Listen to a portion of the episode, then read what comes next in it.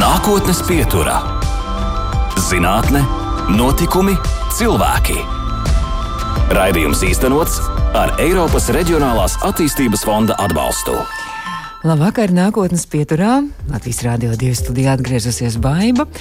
Un pavasarī, kad visu pasauli, tā skaitā arī mūsu Latviju, pārņēma satraukums par uzbrukošo un tolaik vēl maz zināmo koronavīrusu, cilvēks, kas līdzās mūsu izcilajiem infektologiem un epidemiologiem, visai bieži parādījās televīzijas ekrānā, lai nomierinātu un mazinātu augošo paniku un bailes, arī radītu zinām drošības sajūtu un tomēr arī skaidrotu, informētu un izglītotu, šodien ir mūsu nākotnes pieturas viesis, pareizāk sakot, viešņa Latvijas ārstu biedrības prezidente dr. Ilze Aizsilniece. Sveika, Ilze! Labvakar!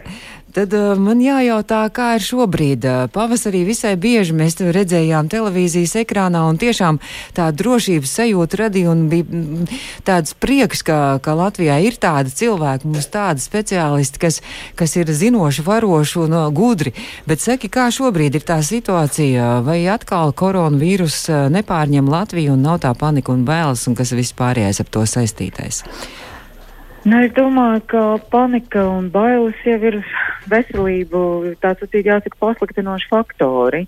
Uh, baidīties nevajag, un es domāju, ka tiek darīts viss, lai tā panika nebūtu. Reizēm tā nu, nepieciešamība ierobežot uh, dzīvi, ierobežot pašiem sevis, rada zinām neziņu un paniku un arī protestu cilvēkos. Bet es teikšu tā, ka. Mm, Nu, korona ir atgriezusies, tas arī bija gaidāms. Mums ir līdzīga situācija kā citās valstīs, bet jāsaka, ka tepat blakus Igaunijā situācija jau uzlabojās un viss mainās. Un, nu, jāsaprot to, ka vīrusam arī ir savs dzīves cikls, un uh, mēs viņu varam to ciklu pamainīt ar savu attieksmi un spēju viņu nenodot tik tālu, mm, nenodot tālāk viens otram. Nu, bet salīdzinot ar pavasari, šī situācija pavasarī tā bija tukšas ielas un cilvēki tiešām bija ļoti piesardzīgi un bija ārkārtas situācija. Šobrīd nu, tā liekas, ka varbūt cilvēki mazliet ir viegli prātīgi vai, vai tā nav, vai man tikai tā šķiet. Es nedomāju, ka cilvēki ir viegli prātīgi, bet nu, divi jau arī nevar atstā, apstāties. Nu, nu, pas, pavasara nepieciešamība palikt visiem mājās un uh, Un būt tikai kopā ar ģimeni, tomēr ir radījusi zināmu nospiedumu gan mūsu valsts ekonomikā, gan arī cilvēku tādā emocionāli mentālajā stāvoklī.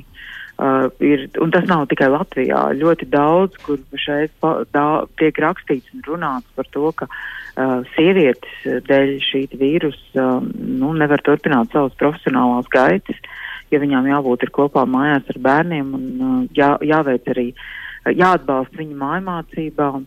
Tā situācija nav vienkārša. Es domāju, ka tā nav viegliprātība. Tā ir vēlēšanās turpināt dzīvot.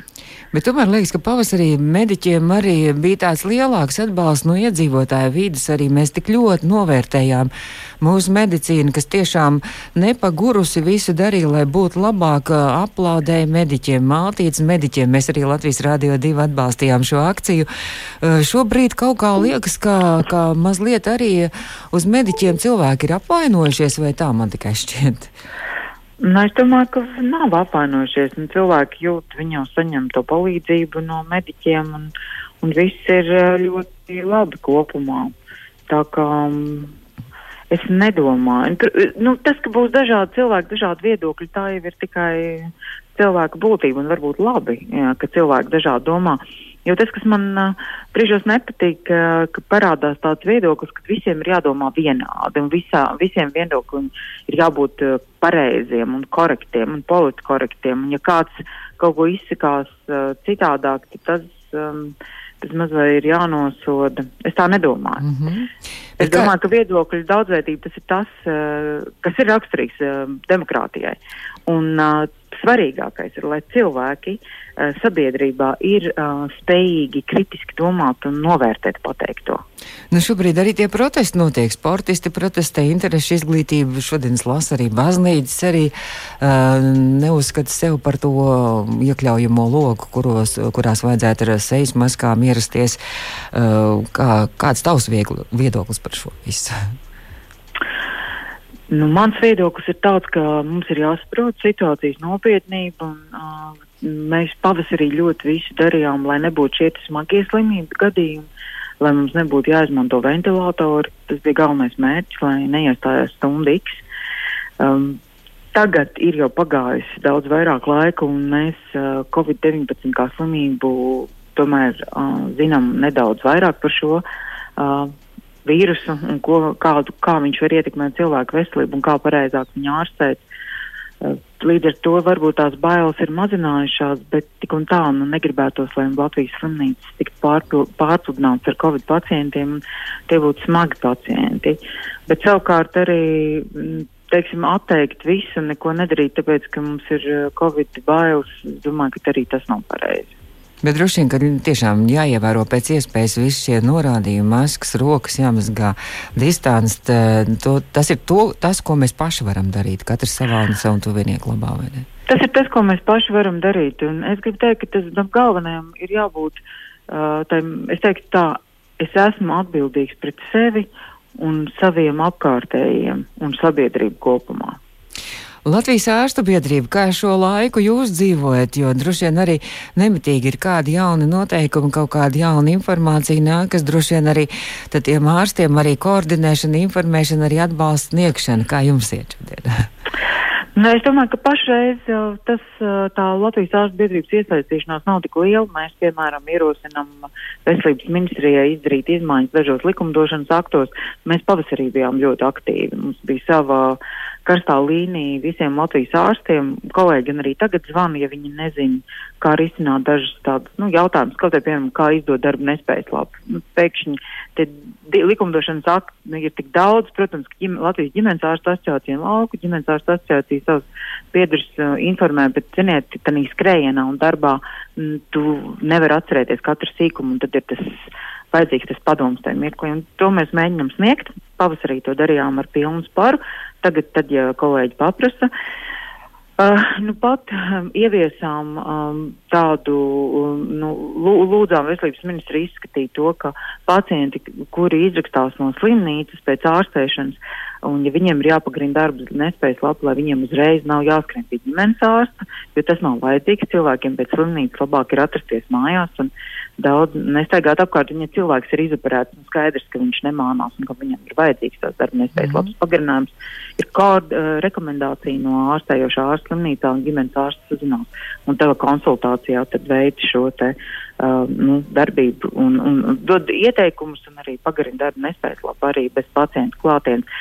Un ir tāds daudz, um, nu, it kā mazas lietas, kas beig beigās uh, veido uh, um, dažādu sīkumu kopumu, kas nosaka mūsu dzīvi. Un tur Latvijas ārstu biedrība ir bijusi ļoti aktīva, gan iesaistoties pavasarī kritēriju noteikšanā tiem uh, iedzīvotājiem, kam ir nepieciešams Covid tests par valsts mm -hmm. uh, samaksu, gan arī mēģinot risināt jautājumus par darba nespēju. Šobrīd arī tikko jaunākajās ziņās mēs arī klausījāmies rādio, ka, ka arī tāds jaunums, ka laikam ir šodien, no šodienas, ka šos testus vairs nevar iedzīvotāji paši pieteikties un paši izdomāt un veikt, ka noteikti vajag arī ģimenes ārstu norīkojumu laikam, jā? Ja? Jā, tas ir ļoti saprotami, jo bieži vien um, nu, cilvēki uzzina, ka viņi ir bijuši Covid pacientu tuvumā uh, pirms, teiksim, trim dienām vai pirms dienas, un uh, tūdaļ skrien nodot testu, kas nav pareizi. Pirmkārt, mēs iegūstam sēga negatīvu testu, tas ir viens, un otrs ir, mēs esam. Uh, iztērējuši diezgan lielu naudu no kopējā valsts veselības um, aprūpas budžeta. Uh, ir jēga, ir jāzina, kad to taisīt. Protams, ka šis noteikums ievērojami palielinās ģimenes ārstu darba slodzi, bet es domāju, ka kolēģi šo situāciju saprot. Un tas uh, savukārt um, šie jaunie noteikumi palīdzēs um, Uh, precīzāk sūtīt pacientus uz analīzēm. Tie, kuriem vajag tikt šodien, nevis pēc trim dienām, tiks šodien pie, uh, nu, šī, pie šī izmeklējuma veikšanas. Vai Latvijas ārstu biedrība arī um, komunicē arī ar citu valstu ārstu biedrībām un arī kaut kādā pieredzē dalās un mēģina arī uzkrāt jauno informāciju un arī no savas puses arī dot šo informāciju un zināšanas? Jā, noteikti mums ir sadarbība ar CPMI, jeb uh, Standing Committee for Physicians in Europe. Tas ir tā kā uh, organizācija visiem uh, Eiropas ārstu biedrībām, kas pārstāv mūsu intereses um, Eiropas likumdošanas um, līmenī un, un arī koordinē mūsu darbības. Šī um, Eiropas organizācija pirmkārt uh, apkopo visu informāciju un datus, kas ir uh, valstīs, kāda ir pozitīvā pieredze ne tikai Eiropas valstīs, bet arī citur, kur var izmantot ārsti.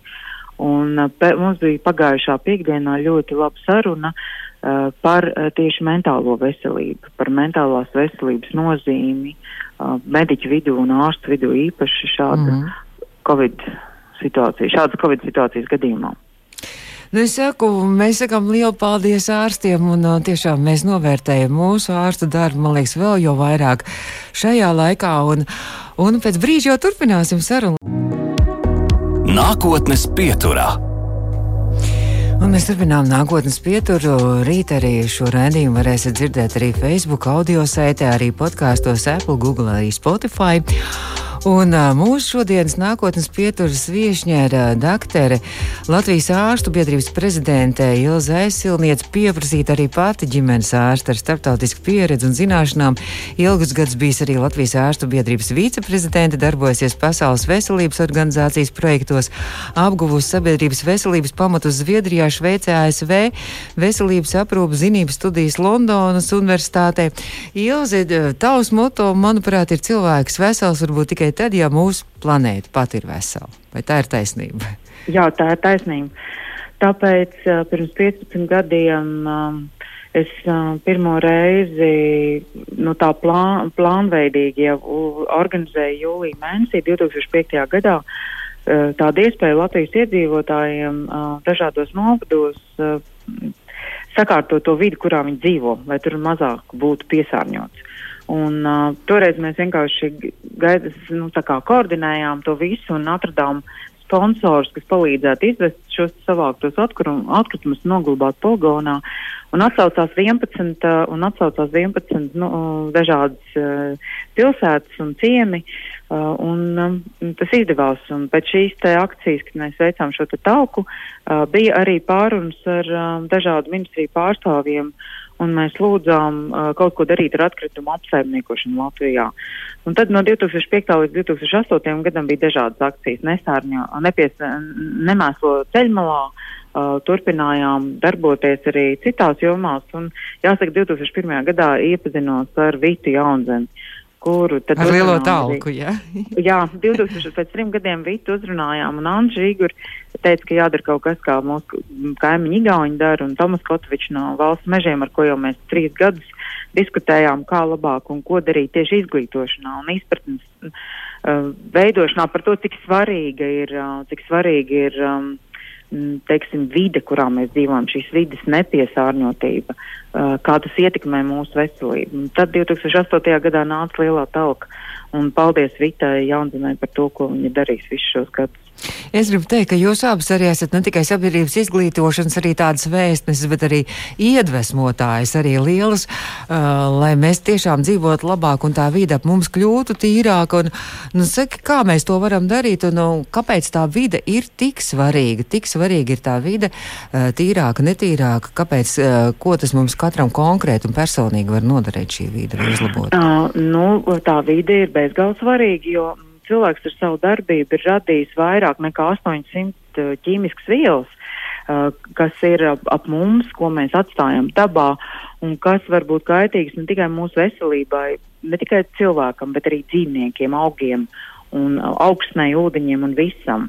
Un, uh, jau 2013. gadā Pasaules veselības organizācija uh, teiksim, apkopo, apkopo visu šo informāciju uh, par šīm vielām, kas galvenokārt ir plasmasā, uh, kā par uh, endokrīnās sistēmas kaitētāju vielām. Tā bija galvenā tēma. Ko tas nozīmē? Gadiem.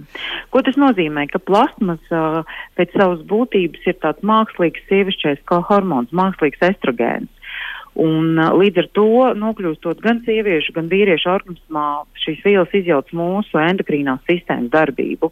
Un, ja tas notiek, tad notiek arī imunās sistēmas izmaiņas. Uh, visas šīs ķīmiskās vielas nonākot mūsu organismā var ietekmēt pēcnācēju veselību un, diemžēl, viņas veicina uh, audzēju veidošanos. Un tas ir visbīstamākais.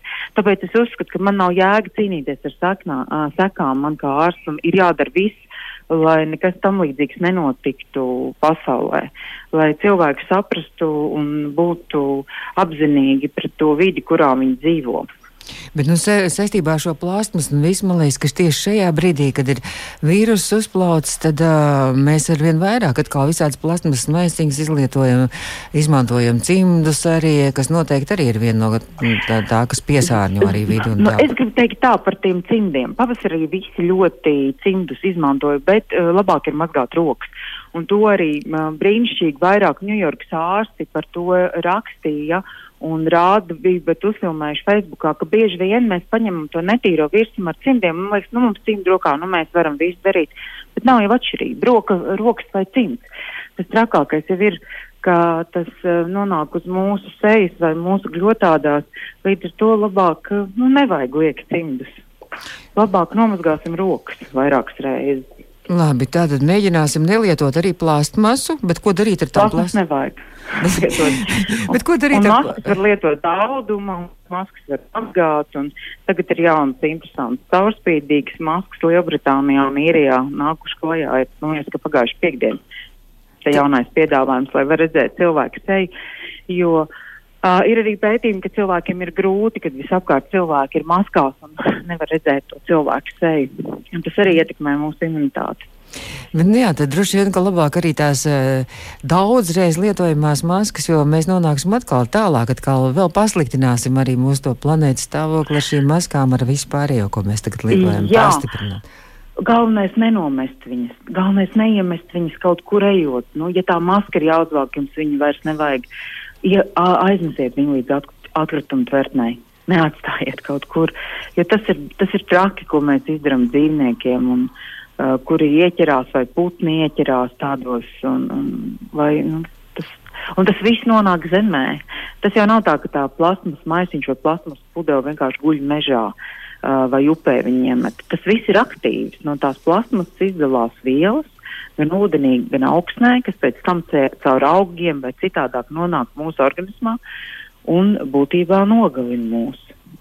Tas nozīmē, ka labāk arī nelietot dažādas uh, pārtikas produktus, kas ir iesaiņoti kaut kādās plasmasās un plēvēs un tā tālāk. Nu, faktiski, jo ma, jums, mums ir ļoti jāsako, kādi ir šie pārtikas produkti, vai, šani, vai tā plasmas, kurā tiek ievietots, vai tajā var um, ievietot karstu ēdienu. Tas ir vistrakākais, ka mēs ievietojam plasmas produktos karstu ēdienu, un tad plasmasa kļūst vēl aktīvāka, un tad tur viss tā jāsaka, tā plasmasas briesmīgā zupa nonāk mūsu uzturā. Tad jāsaka arī klausītājiem, arī man tā skaitā, ja kaut kāds plasmasas cibiņš vai kas, ka liekas, kā ir tik lab, labs trauciņš, ka varētu vēl pataupīt, izmazgāt otrais lietot. labāk bet vajag, to... bet labāk ņemt tādu mazu, tagad ir ļoti labi arī dažādi stikla trauki, trauciņi, kas neplīst, ir no, no, no no kokosa dažādi trauki, kuru neizdala visu to trako ķīmiju. Vienkārši vajag padomāt. Ir arī plasmas, kur nesatur BNP un uh, bi, uh, dažādas uh, citas uh, aktīvās vielas, kuras ir pierādīts, ka viņas ir aktīvas.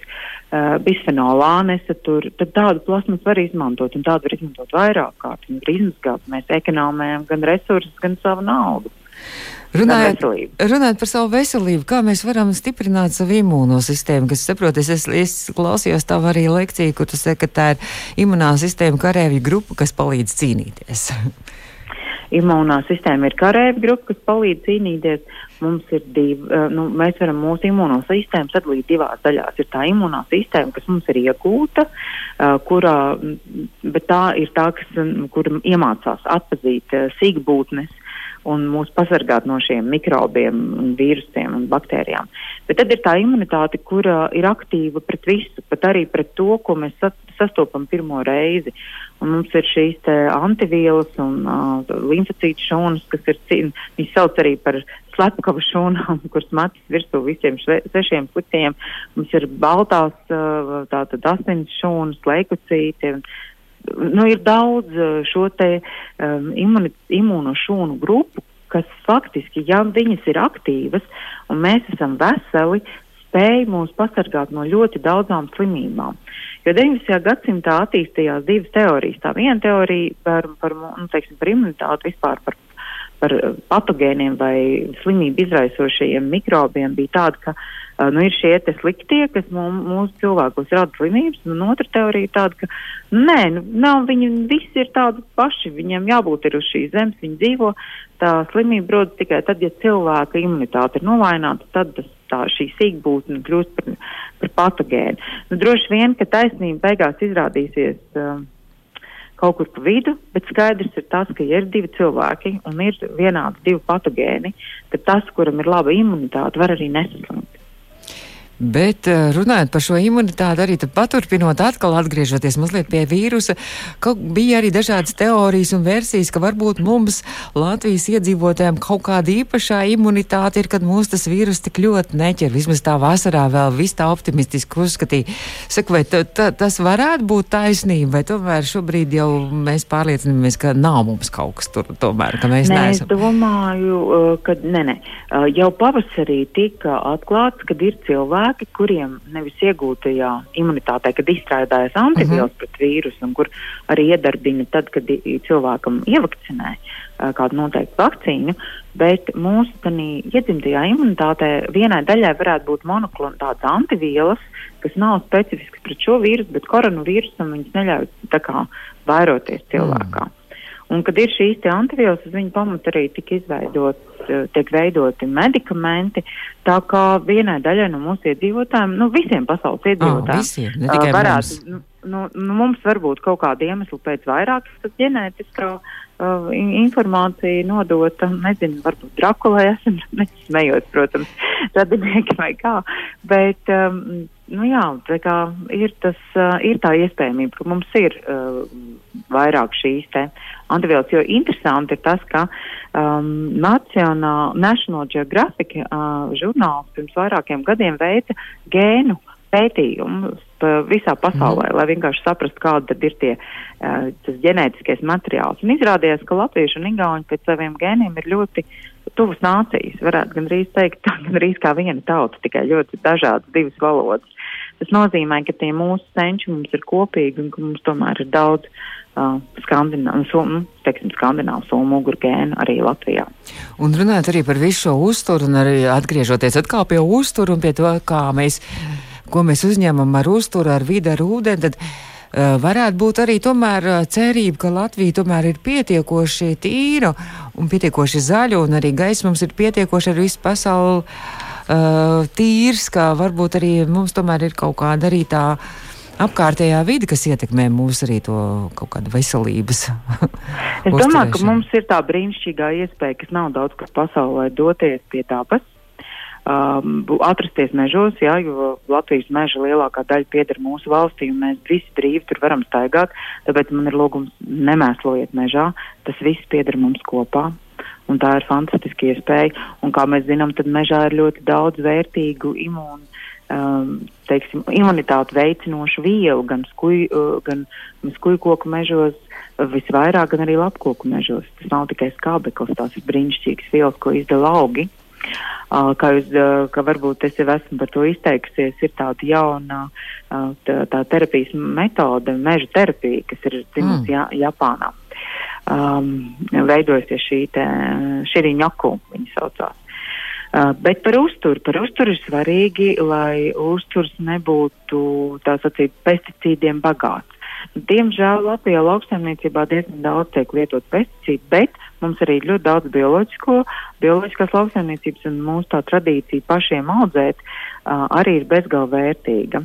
Un tad nu, es gribu teikt, ka, ja mēs runājam par pašu audzētu pārtiku, atcerēsimies, ka, ja mēs gribam saviem bērniem izaudzēt zemeni savā dārzā, nevajadzētu uz, uh, nevajadzētu, ka mums ir celiņi, smuki, tur izveidoti celiņi, kuros aug uh, teiksim, nezāles, tās nezāles apstrādāt ar, ķīmika, ar ķīmikālijām, piemēram, ar raundapu, jo tas jau tik un tā nonāk zemē, un tad, tad tā bērnu zemene nav diez tik veselīga.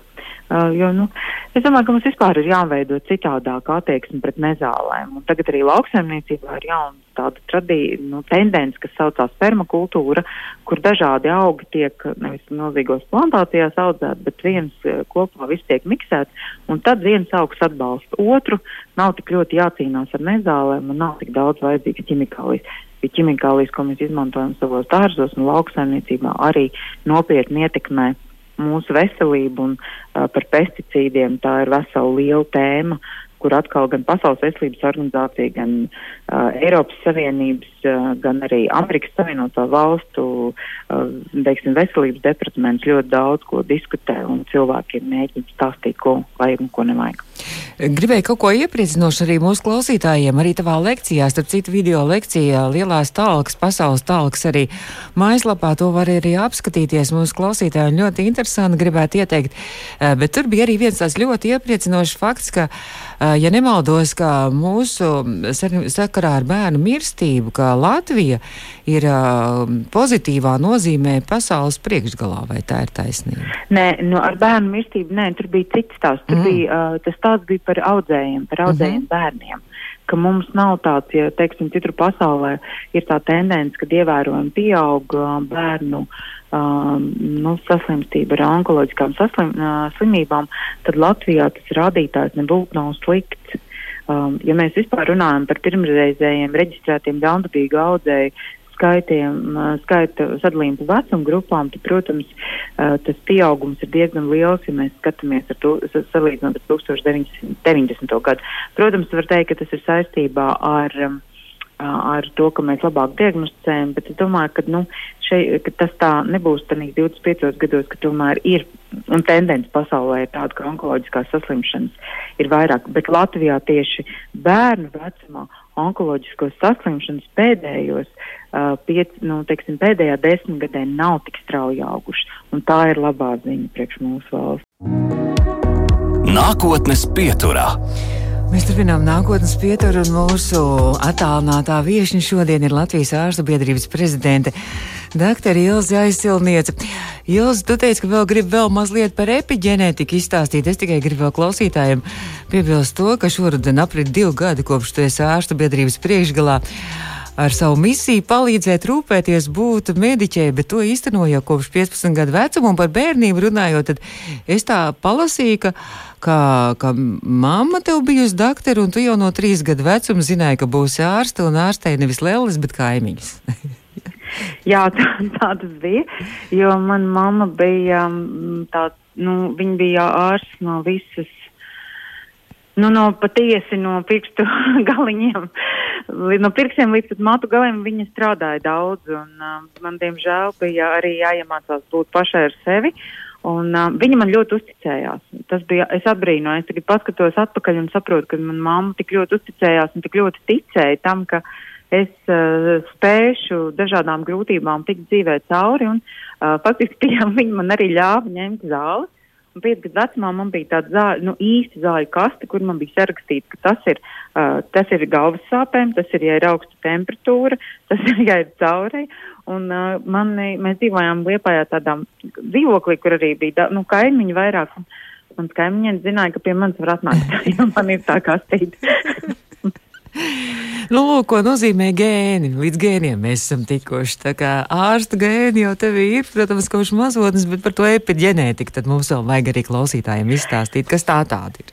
Epigenētika ir uh, tāda zinātne, kas pēdējos 30 gados uh, ir sevi pierādījusi kā ļoti nozīmīga mūsu izpratnē par cilvēku un to, kas notiek ar cilvēku un arī ar viņu veselību. Un epigenētika saka, ka tas ir tas, kas ir pāri tā kā gēnam, kas ir uh, vēl svarīgāk. Un uh, ļoti svarīgi ir tas, kādas vielas no, un pie, teiksim, piesaistās mūsu katrai šūnai. Uh, jo atkarībā no tā, kāda šie ārējie faktori ieslēdzās tie vai citi gēni. Piemēram, mēs varam nesāt kaut kādu gēnu sevī, kurš, ja mēs pareizi esam pareizā vidē, normālos apstākļos, neko mums neizraisa, viņš neieslēdzās. Bet mainās šie apstākļi, kaut kāda kaitīgas vielas nonāk mūsu organismā dēļ piesārņojuma, ieslēdzās citi gēni un cilvēkā rodas slimības. Tāpēc ir ļoti svarīgi ne tikai tas, kāda ir mūsu gēni, bet kas ietekmē mūsu gēnus, kas nonāk mūsu organismā.